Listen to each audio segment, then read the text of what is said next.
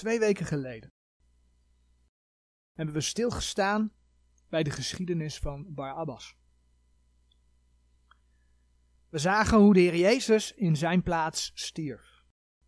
En Barabbas was een moordenaar en de Heer Jezus had geen zonde gedaan, toch ging Barabbas vrij uit en toch stierf de Heer Jezus aan het kruis. Nou, deze geschiedenis toont heel mooi hoe de Heer Jezus voor een ieder plaatsvervangend aan het kruis van Golgotha gestorven is. Hij heeft jouw plaats ingenomen. Nou, vandaag willen we opnieuw stilstaan bij die geschiedenis van Barabbas. Alleen door enkele versen uit Johannes te lezen. Vorige keer hebben we het gedaan aan de hand van Matthäus. En nu gaan we enkele versen zien die eigenlijk aanvullend zijn op wat Matthäus laat zien. En dat zien we dus in het Johannes-evangelie. Johannes 18. Twee weken geleden noemde ik dat men, hè, de Joodse Raad, Judas, Pilatus, dat ze eigenlijk allemaal wisten dat de Heer Jezus onschuldig was. Maar de nijdigheid en de haat was zo groot dat de Joodse Raad valse getuigen zocht. En Pilatus, die wilde het volk tegemoet komen, ja, en die liet de Heer Jezus kruisigen.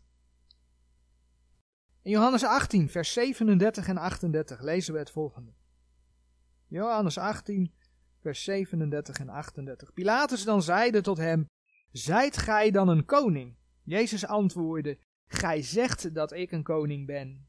Hiertoe ben ik geboren en hiertoe ben ik in de wereld gekomen, opdat ik der waarheid getuigenis geven zou. Een iegelijk die uit de waarheid is, hoort mijn stem. Pilatus zeide tot hem, wat is waarheid? En als hij dat gezegd had, ging hij wederom uit tot de Joden en zeide tot hen, ik vind geen schuld in hem. We hebben gelezen dat Pilatus zei, wat is waarheid?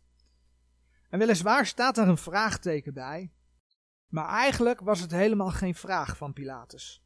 Althans, het was geen oprechte vraag. Want de waarheid deed er voor hem helemaal niet toe. Dat lees je namelijk in dat vers. Hij wachtte helemaal geen antwoord af. Want als hij dat gezegd had, ging hij wederom naar buiten. Ging hij wederom tot de Joden. Nou, en ondanks dat hij geen schuld in de Heer Jezus vond, maar wel zag dat er een oproer ontstond, want het werd allemaal heel onrustig daar, dat lees je in Matthäus 27, vers 24, wilde hij het volk tevreden stellen. Ja, en daarom liet hij de Heer Jezus maar kruisigen. Nou, wij weten natuurlijk dat het allemaal moest gebeuren, maar dit laat wel zien wie Pilatus was. Pilatus was dus helemaal niet geïnteresseerd in de waarheid. Hij wilde rust. En ondanks dat hij wist dat de Jezus niets fout had gedaan, volgde hij hetgeen dat ja, voor hemzelf het beste uitkwam. een gerustgesteld volk, dat hem als stadhouder accepteerde, want ja, hij was er voor de mensen, hij deed wat ze vroegen. En daardoor was er rust in de stad. Dat was voor hem belangrijk. Maar weet je, zo is het vandaag de dag ook. Ieder wil zijn of haar eigen waarheid. Dat is in de wereld is dat zo. Maar dat is ook binnen de religies zo. Dat is ook binnen, ja, hetgeen we dan kennen als het christendom, is dat ook zo. En eigenlijk is vandaag de dag de strekking onder de mensen zoiets van, ja, als we dat nu van elkaar aanvaarden, dat er verschillen zijn, maar dat we misschien op enkele punten één zijn, weet je, dan kunnen we één worden. Dan kunnen we één worden. En ieder heeft dan een rustig gevoel, waar hij of zij zich lekker bij voelt. Ja, dat is het streven van de ecumene. En dat gaat zelfs naar andere religies toe. Hè? Je hoort vandaag de dag ook wel zeggen. Ach, weet je, we dienen toch allemaal dezelfde God. Waar maak je je druk over? Nou, dan is de vraag, kan dat? Kan het zo zijn dat als je het in de kern misschien over een aantal dingen eens bent, dat je dan wel één kunt worden? En dat je dan allemaal op je eigen manier de watjes van je bed zo neergelegd zoals je het graag zelf wilt hebben. Dat je op je eigen manier dan de waarheid hebt. Zoiets van, jij jouw waarheid en ik mijn waarheid. En ja, de conclusie is dan dus dat de waarheid voor iedereen anders kan zijn. Nou, dat is graag wat mensen vandaag de dag willen geloven. Nou, we hebben in Johannes 18, vers 37, hebben we gelezen dat de Heer Jezus zei dat hij gekomen was om te getuigen van de waarheid. En dat een ieder die uit de waarheid is, zijn stem hoort. De Heer sprak dus niet over een waarheid. De Heer sprak zelfs niet over waarheid in die verse, maar over de waarheid. Blijkbaar is er dus zoiets als absolute, absolute waarheid. Nou, zo is Gods woord er heel duidelijk over. Wat, of beter gezegd, wie de waarheid is. En daar gaan we een aantal versen over opzoeken. En we beginnen in Johannes 17, vers 17. Johannes 17, vers 17. Wanneer Jezus een gebed uitsprak en in dat gebed zei hij het volgende. Heilig hen in uw waarheid. Uw woord is de waarheid.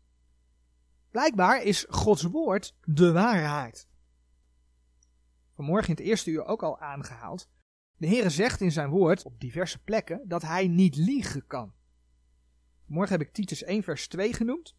Laten we nummer 23 vers 19 opzoeken. Dat is een ander vers waar we dat tegenkomen. In nummer 23 vers 19 lezen we: God is geen man dat hij liegen zou, nog eens mensenkind dat het hem berouwen zou.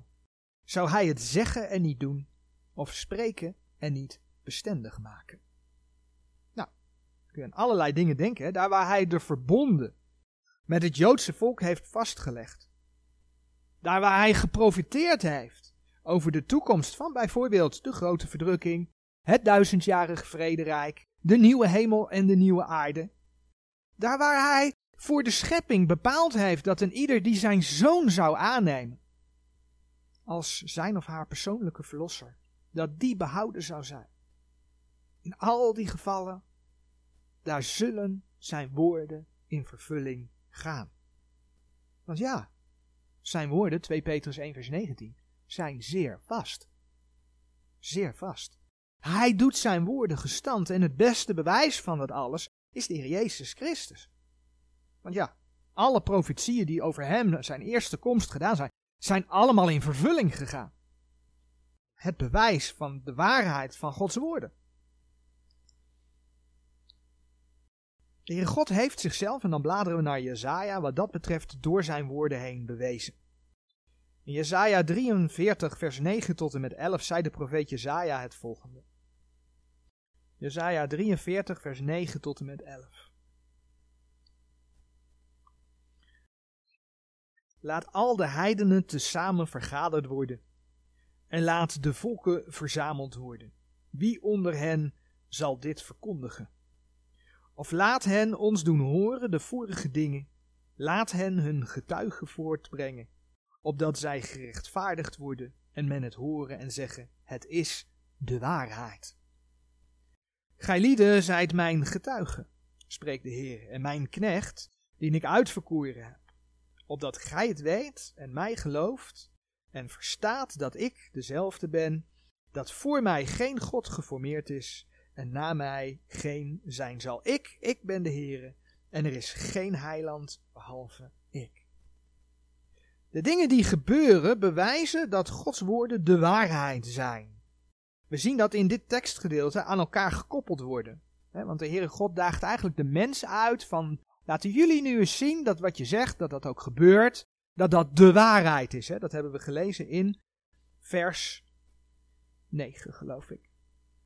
Dat eindigt met het is de waarheid.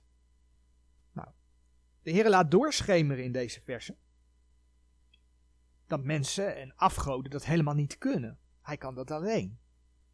Nou, twijfel je daarover dat dat Gods bedoeling is met deze versen? Kijk dan eens in Jesaja 41, vers 21 tot en met 24. De Heere God die uh, wint er zo gezegd geen doekjes op, waar wij mensen toe in staat zijn of misschien niet toe in staat zijn. Jesaja 41 vers 21 tot en met 24. Brengt uw lieder twistzaak voor, zegt de Heer. Brengt uw vaste bewijsredenen bij, zegt de koning Jacobs.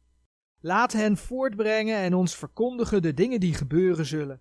verkondigt de vorige dingen welke die geweest zijn, opdat wij het te harte nemen en het einde daarvan weten, of doet ons de toekomende dingen horen. Verkondigt de dingen die hierna komen zullen, opdat wij weten dat gij goden zijt. Ja, doet goed en doet kwaad, dat wij verbaasd staan en tezamen toezien. Zie, gij lieden zijt minder dan niet, en uw lieden werk is erger dan een adder. Hij is een gruwel, die uw lieden verkiest. Zo. Dat is de Heer over de mensheid. Mensen kunnen de toekomende dingen dus niet laten horen. En dan ook nog eens een keer gestand doen. Sommige mensen die uh, denken dat ze dingen kunnen voorzeggen. En soms komt het gedeeltelijk uit ook nog. Maar Heer God maakt duidelijk dat wij mensen daar niet toe in staat zijn. En dat is nu juist wat bewijst dat de Heere God, de schepper van hemel en aarde, hè, zoals hij zichzelf openbaart in zijn woorden in de Bijbel, de waarheid is. Want wat hij zegt, gebeurt. Hè, Jezaja 42, vers 8 en 9. Ik ben de Heere, dat is mijn naam, en mijn eer zal ik aan geen ander geven, noch mijn lof den gesneden beelden. Zie, de voorgaande dingen zijn gekomen, en nieuwe dingen verkondig ik, eer dat zij uitspruiten, doe ik u lieden die horen. Alleen de Heere God is alwetend en kan voorzeggen wat er gaat gebeuren. Ja. En die dingen die hij dan vastgelegd heeft in zijn woord, die gebeuren ook daadwerkelijk. En dat is zoals Jesaja 43 vers 9 dus laat zien, gekoppeld aan de waarheid. Mensen kunnen die waarheid dus niet geven. Zij zijn minder dan niet. Hun werk is erger dan een adder, lazen we in Jesaja 41, vers 24. Maar de Heere kan het wel. En heeft het gedaan in zijn woord. In de Bijbel. Gods woord is de waarheid. Johannes 17, vers 17. Laten we naar Deuteronomium 32 bladeren. Want Gods woord is de waarheid. En we zagen het eigenlijk al, de Heer zelf is de waarheid. Hij kan niet liegen. Zo staat er bijvoorbeeld in het lied van Mozes in Deuteronomium 32, vers 4 het volgende geschreven. Hij is de rotsteen, wiens werk volkomen is, want al zijn wegen zijn gericht. God is waarheid en is geen onrecht, rechtvaardig en recht is Hij. God is waarheid, lezen we daar. En dat komt tot de uiting, en dan bladeren we naar Johannes 16. Dat komt tot uiting door wat hij bijvoorbeeld over zijn geest zegt. In Johannes 16, vers 13. We een tekst over de Heilige Geest lezen. Johannes 16, vers 13. Waar de Heer Jezus over de Heilige Geest zegt, die gaat komen, die op dat moment nog moest komen. Maar wanneer die zal gekomen zijn, namelijk de geest der waarheid, hij zal u in al de waarheid leiden, want hij zal van zichzelf niet spreken, maar zo wat hij zal gehoord hebben, zal hij spreken, en de toekomende dingen zal hij u verkondigen. De Heilige Geest wordt de geest der waarheid, de geest van de waarheid genoemd. Nou, als je in 1 Johannes 5, vers 6 gaat kijken, dan zie je dat daar letterlijk geschreven staat de woorden dat de geest de waarheid is. Dat vind je in 1 Johannes 5, vers 6. En zoals Gods geest de waarheid is, als je dus onder zijn leiding stelt, en daar komen we zo direct nog op terug, dan zal hij je dus in al de waarheid leiden. Want ja, hij is de waarheid, dus dan wil hij je ook in al de waarheid leiden. Dus het is mogelijk om als kind van God in de waarheid te wandelen. Gods woord is de waarheid. De Heilige Geest is de waarheid. De Heer Jezus Christus is de waarheid. De bekende uitspraak van de Heer Jezus in Johannes 14, vers 6 zegt, Johannes 14, vers 6, Jezus zeide tot hem, ik ben de weg en de waarheid en het leven. Niemand, dat is een uitspraak, niemand komt tot den Vader dan door mij. Nou, ondertussen hebben we gezien wat de waarheid inhoudt. De waarheid houdt in dat wat de Heer zegt, dat doet Hij. Het is zo. Nou, dat zegt wat over de inhoud van dit vers, namelijk niemand komt tot de Vader dan door mij. Er is voor de mens maar één weg om bij de Heere God in de hemel te komen, en dat is Jezus Christus. En dat laat zien weer dat die hele ecumene, die samenwerking zoekt met andere religies op deze planeet, dat die niet waar is. Maar dat die een leugen is. Sterker nog, als er meerdere wegen zouden zijn, op grond van Johannes 14, vers 6, zou de Heer Jezus dan een leugenaar zijn. Want hij zei: Ik ben de weg en de waarheid. En vervolgens: Niemand komt tot de Vader dan door mij. Dus als dat niet waar zou zijn, zou de Heer Jezus een leugenaar zijn. En ja, zou het niet eens waard zijn om hem te volgen. Want dan klopt het niet wat er staat. En juist daarom heeft God zijn woord bewezen dat het de waarheid is. Het mooie is, en dat is een verder bewijs, dat de Heer zijn woorden ten uitvoer brengt. Hij is niet alleen de waarheid op dit moment of op het moment dat hij die dingen zei. Nee, hij is het ook in de toekomst. De Heer is wat dat betreft onveranderlijk. En dat vinden we in Openbaring 19 vers 11. Dat vinden we een mooi vers over de Heer, de Heer die terugkomt. Openbaring 19 vers 11. Dat is na de grote verdrukking, als de hemel open gaat, als de Heer terugkomt. En dan lezen we daar, en ik zag de hemel geopend en zie een wit paard, en die op hetzelfde zat, was genaamd getrouw en waarachtig. En hij oordeelt en voert krijg in gerechtigheid. Zijn naam was getrouw en waarachtig. Dat de Heer de waarheid is, dat zit in dat woordje waarachtig. Maar hij is ook getrouw. Hij bestempelt zijn woorden niet alleen op het moment dat hij ze geeft als waarachtig en waarheid, maar hij is getrouw, oftewel hij blijft erbij. Hij blijft erbij. Want hij is getrouw. En daarom is zijn woord, zoals 2 Petrus 1 vers 19 zegt, zeer vast. Zoals de Heere God en zijn woord de waarheid is, zo is er ook een wezen dat geen waarheid is. En dan bladeren we naar Johannes 8 vers 44. En dan hebben we het natuurlijk over de duivel. Want de duivel staat in Johannes 8, vers 44 het volgende geschreven. Een uitspraak die de Heer Jezus daar tegen het Joodse volk doet, dat klopt. Maar wat daar over de duivel geschreven staat, nou, dat, weet je, dat klopt gewoon. En dat geldt ook voor mensen die in deze tijd de Heer niet hebben aangenomen. Voor de wereld, dat blijkt bijvoorbeeld uit de Efezebrief. Nou, in Johannes 8, vers 44 lezen we: Gij zijt uit de vader de duivel en wilt de begeerte uws vaders doen. Die was een mensenmoordenaar van den beginnen en is in de waarheid niet staande gebleven, want geen waarheid is in hem.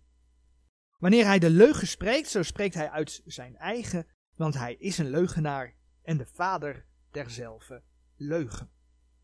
Daar waar de Heere God niet liegen kan, staat er van de duivel geschreven dat hij de vader derzelfde leugen is. Liegen is hem dus eigen. En het feit dat hij liegt, betekent dus dat wat hij zegt, dat het niet waar is. Daar waar de Heer God de waarheid is, waar de Heer Jezus Christus de waarheid is, staat er dan ook van de duivel geschreven, dat hebben we net gelezen, want geen waarheid is in hem. Hoe uitzicht dat dan? Hoe uitzicht dat dan? Nou, allereerst zien we dat de duivel Gods woord ja, belachelijk probeert te maken. Romeinen 1 spreekt erover dat Gods woord in ongerechtigheid ten onder gehouden wordt. Men verandert het. Men verandert het waardoor het woord een leugen wordt. Dus door zo Gods woorden naast zich neer te leggen, is men in plaats van de schepper de schepselen, waaronder ja, zichzelf, zichzelf gaan vereren. Romeinen 1 vers 18, daar lezen we het volgende. Want de toren Gods wordt geopenbaard van de hemel over alle goddeloosheid en ongerechtigheid der mensen, als die de waarheid, die de waarheid in ongerechtigheid ten onder houden. En vers 25 zegt dan nog, als die de waarheid Gods veranderd hebben in de leugen, en het schepsel geëerd en gediend hebben boven de schepper, die te prijzen is in der eeuwigheid. Amen. Gods woorden zijn veranderd. Gods woorden worden in deze tijd ook als een sprookje, hè, als een legende weggezet. En als verklaring voor ons ontstaan hebben ze natuurlijk de evolutieleer in het leven geroepen. Waarmee de mens eigenlijk zichzelf en dan eigenlijk ook nog de sterkste. Straks komt er zo'n superman, hè, dus de antichrist, dus de sterkste, denkt hij. En die wordt verheerlijkt. Dus in deze tijd draait het dan ook om het ik. Als ik maar kan doen wat ik lekker vind. Nou, en het gevolg daarvan is Romeinen 1, vers 26 tot en met 28. Kan er niet omheen. Het staat geschreven. Romeinen 1, vers 26. Daarom heeft hen God overgegeven tot oneerlijke bewegingen, want ook hun vrouwen hebben het natuurlijk gebruik veranderd in het gebruik tegen natuur. En insgelijks ook de mannen nalatende het natuurlijk gebruik der vrouw verhit geworden in hun lust tegen elkander, mannen met mannen schandelijkheid bedrijvende en de vergelding van hun dwaling die daartoe behoorde in zichzelf ontvangende. En gelijk het hun niet goed gedacht heeft God in erkentenis te houden, zo heeft hen God overgegeven in een verkeerde zin, om te doen dingen die niet betamen. En in de versen daarna kun je over nog meer ongerechtigheid lezen. Nou, als je naar de wereld van vandaag de dag kijkt, dan is het eigenlijk een schilderij van wat hier geschreven staat. Je ziet het gewoon voor je ogen gebeuren. Mensen hebben God verworpen en kijk in wat voor tijd we leven. Kijk wat mensen onder elkaar doen, wat ze promoten en waar ze iedereen in mee proberen te krijgen. Het is een schilderij, Gods woord gaat in vervulling. En Romeinen 1 vers 18 zegt dat Gods oordeel, dat hebben we net gelezen, dat Gods oordeel daarover gaat komen. Ja, die grote verdrukking die gaat komen, die is niet voor niks. Zo noemde ik in het begin dat men ook binnen het christendom ieder graag zijn eigen waarheid wil. Maar ja, ook dat is op basis van het feit dat we de waarheid hebben, niet mogelijk. Het is niet mogelijk. Dat komt omdat er gewoon maar één waarheid is. Dat is namelijk de tactiek van de duivel. Nou ja, Genesis 3 vers 1, hè, daar begon het al. Vraagtekens plaatsen bij dat vaste woord van God. Als God wat zegt, dan zeg je van, oh, is het ook dat God gezegd heeft? En de woorden van God worden dan vermengd ja, met een klein beetje zonde, met een klein beetje leugen. Maar dat kleine beetje leugen, dat zorgt ervoor dat het geheel op dat moment al geen waarheid meer is. Je komt het bijvoorbeeld tegen in, in de gelijkenis van het zuurdezem in Matthäus 13. Matthäus 13, vers 33.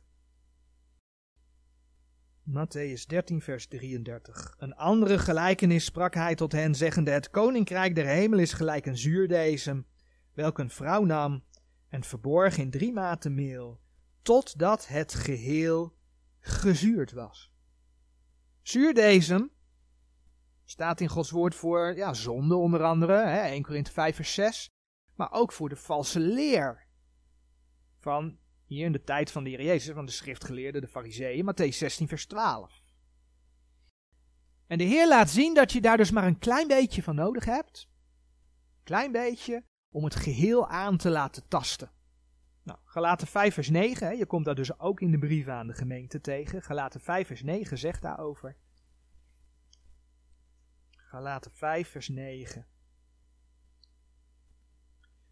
Een weinig zuurdezen verzuurt het gehele deeg.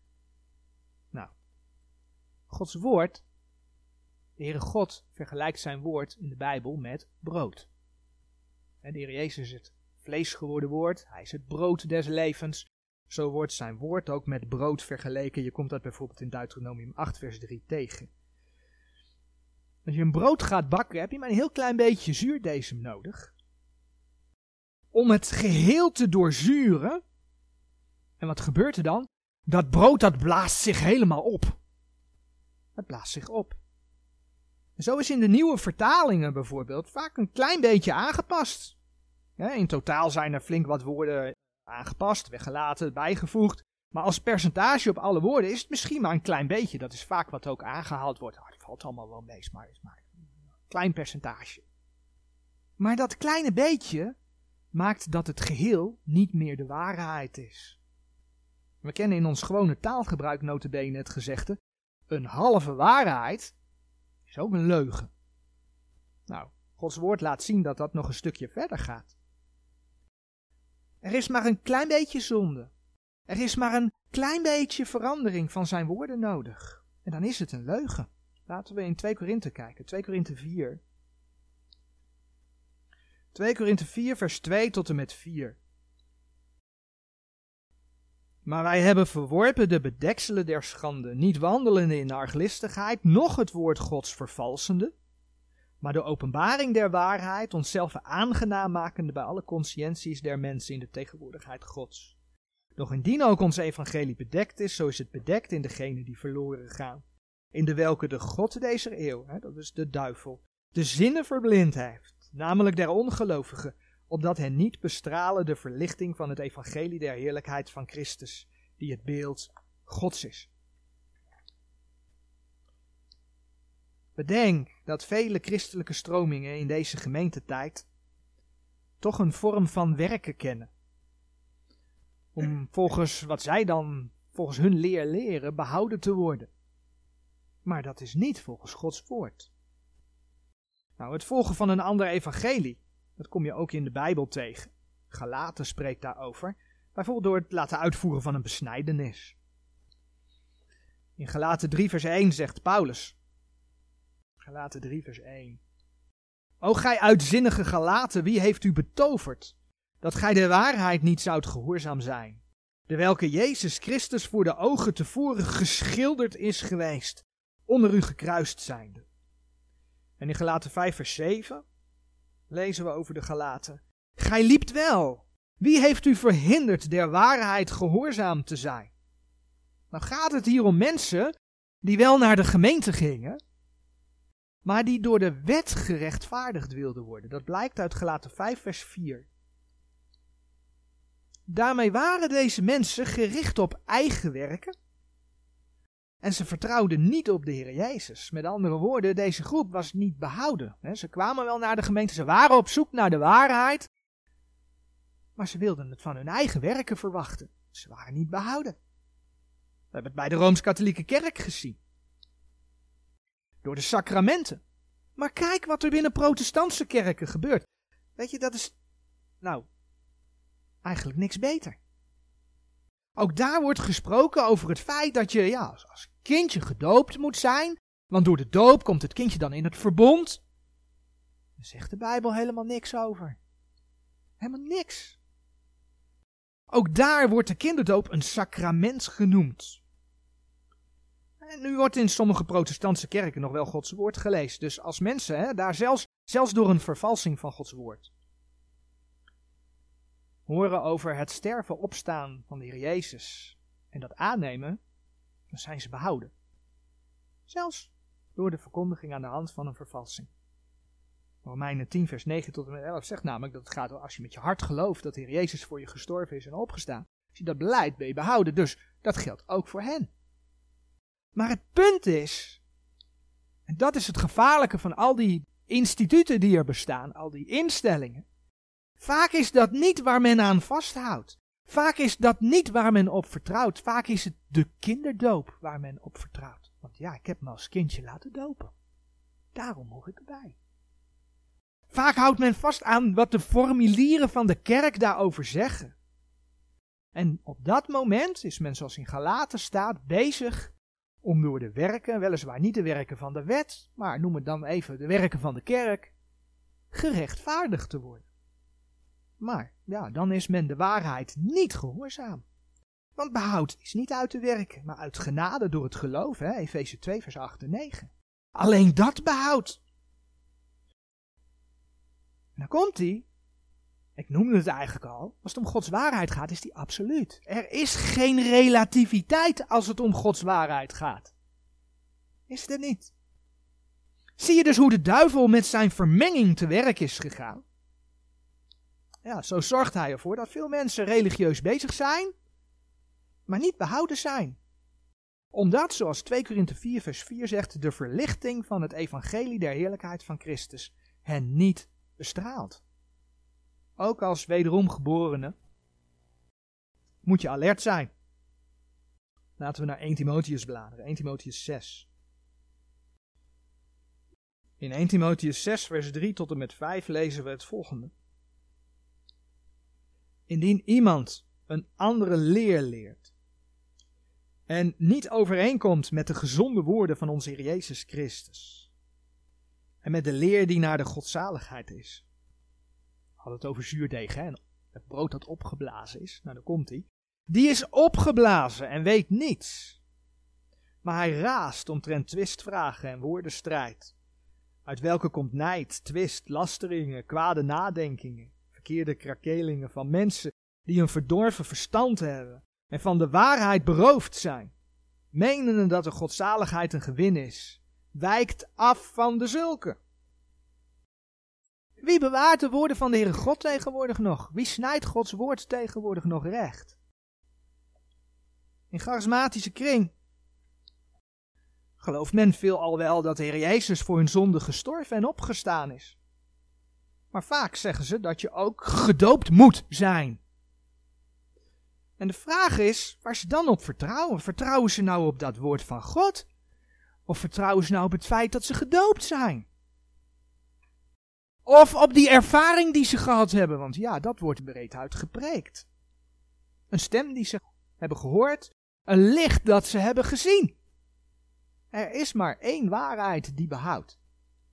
En dat is niet een stem of een licht en ook niet de doop. Zelfs niet als die door onderdompeling is. Hè? Hoe bijbels die doop de onderdompeling ook is. Alleen het geloof met het hart in het volbrachte werk van Jezus Christus redt. Niet anders. Maar ook in de leer is men gericht op de ervaringen. Wat ze zelf hebben meegemaakt. Men is vaak met het ik bezig. Ik heb gezien, ik heb gehoord. Ik heb ervaren.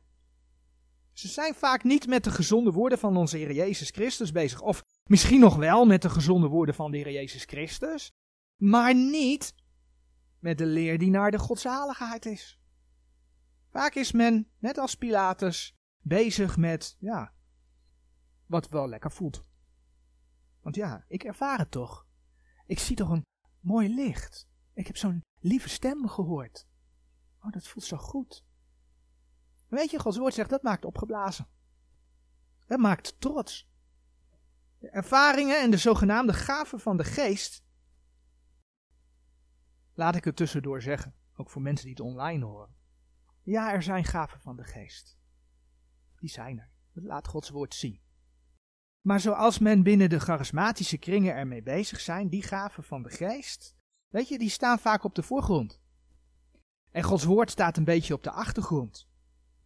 En die gerichtheid op de gaven van de geest die ze daar hebben, die verhoogt, die verheerlijkt de Heilige Geest. Vaak zie je dan ook dat de Heilige Geest aanbeden gaat worden. Maar wat zegt de Heere God nou in dat vers wat we vanmorgen al gelezen hebben, Johannes 16, vers 13? En dan lezen we vers 14 er nu ook bij. Maar wanneer die zal gekomen zijn, namelijk de geest der waarheid, hij zal u in al de waarheid leiden, want hij zal van zichzelf niet spreken. Maar zowat hij zal gehoord hebben, zal hij spreken, en de toekomende dingen zal hij u verkondigen, die zal mij verheerlijken, zei de Heer Jezus. Die zal mij verheerlijken, want hij zal het uit het mijne nemen en zal het u verkondigen. De Heilige Geest spreekt niet van zichzelf en wil dus ook niet verhoogd of verheerlijkt worden. Nee, de Heilige Geest verheerlijkt de Heer Jezus Christus.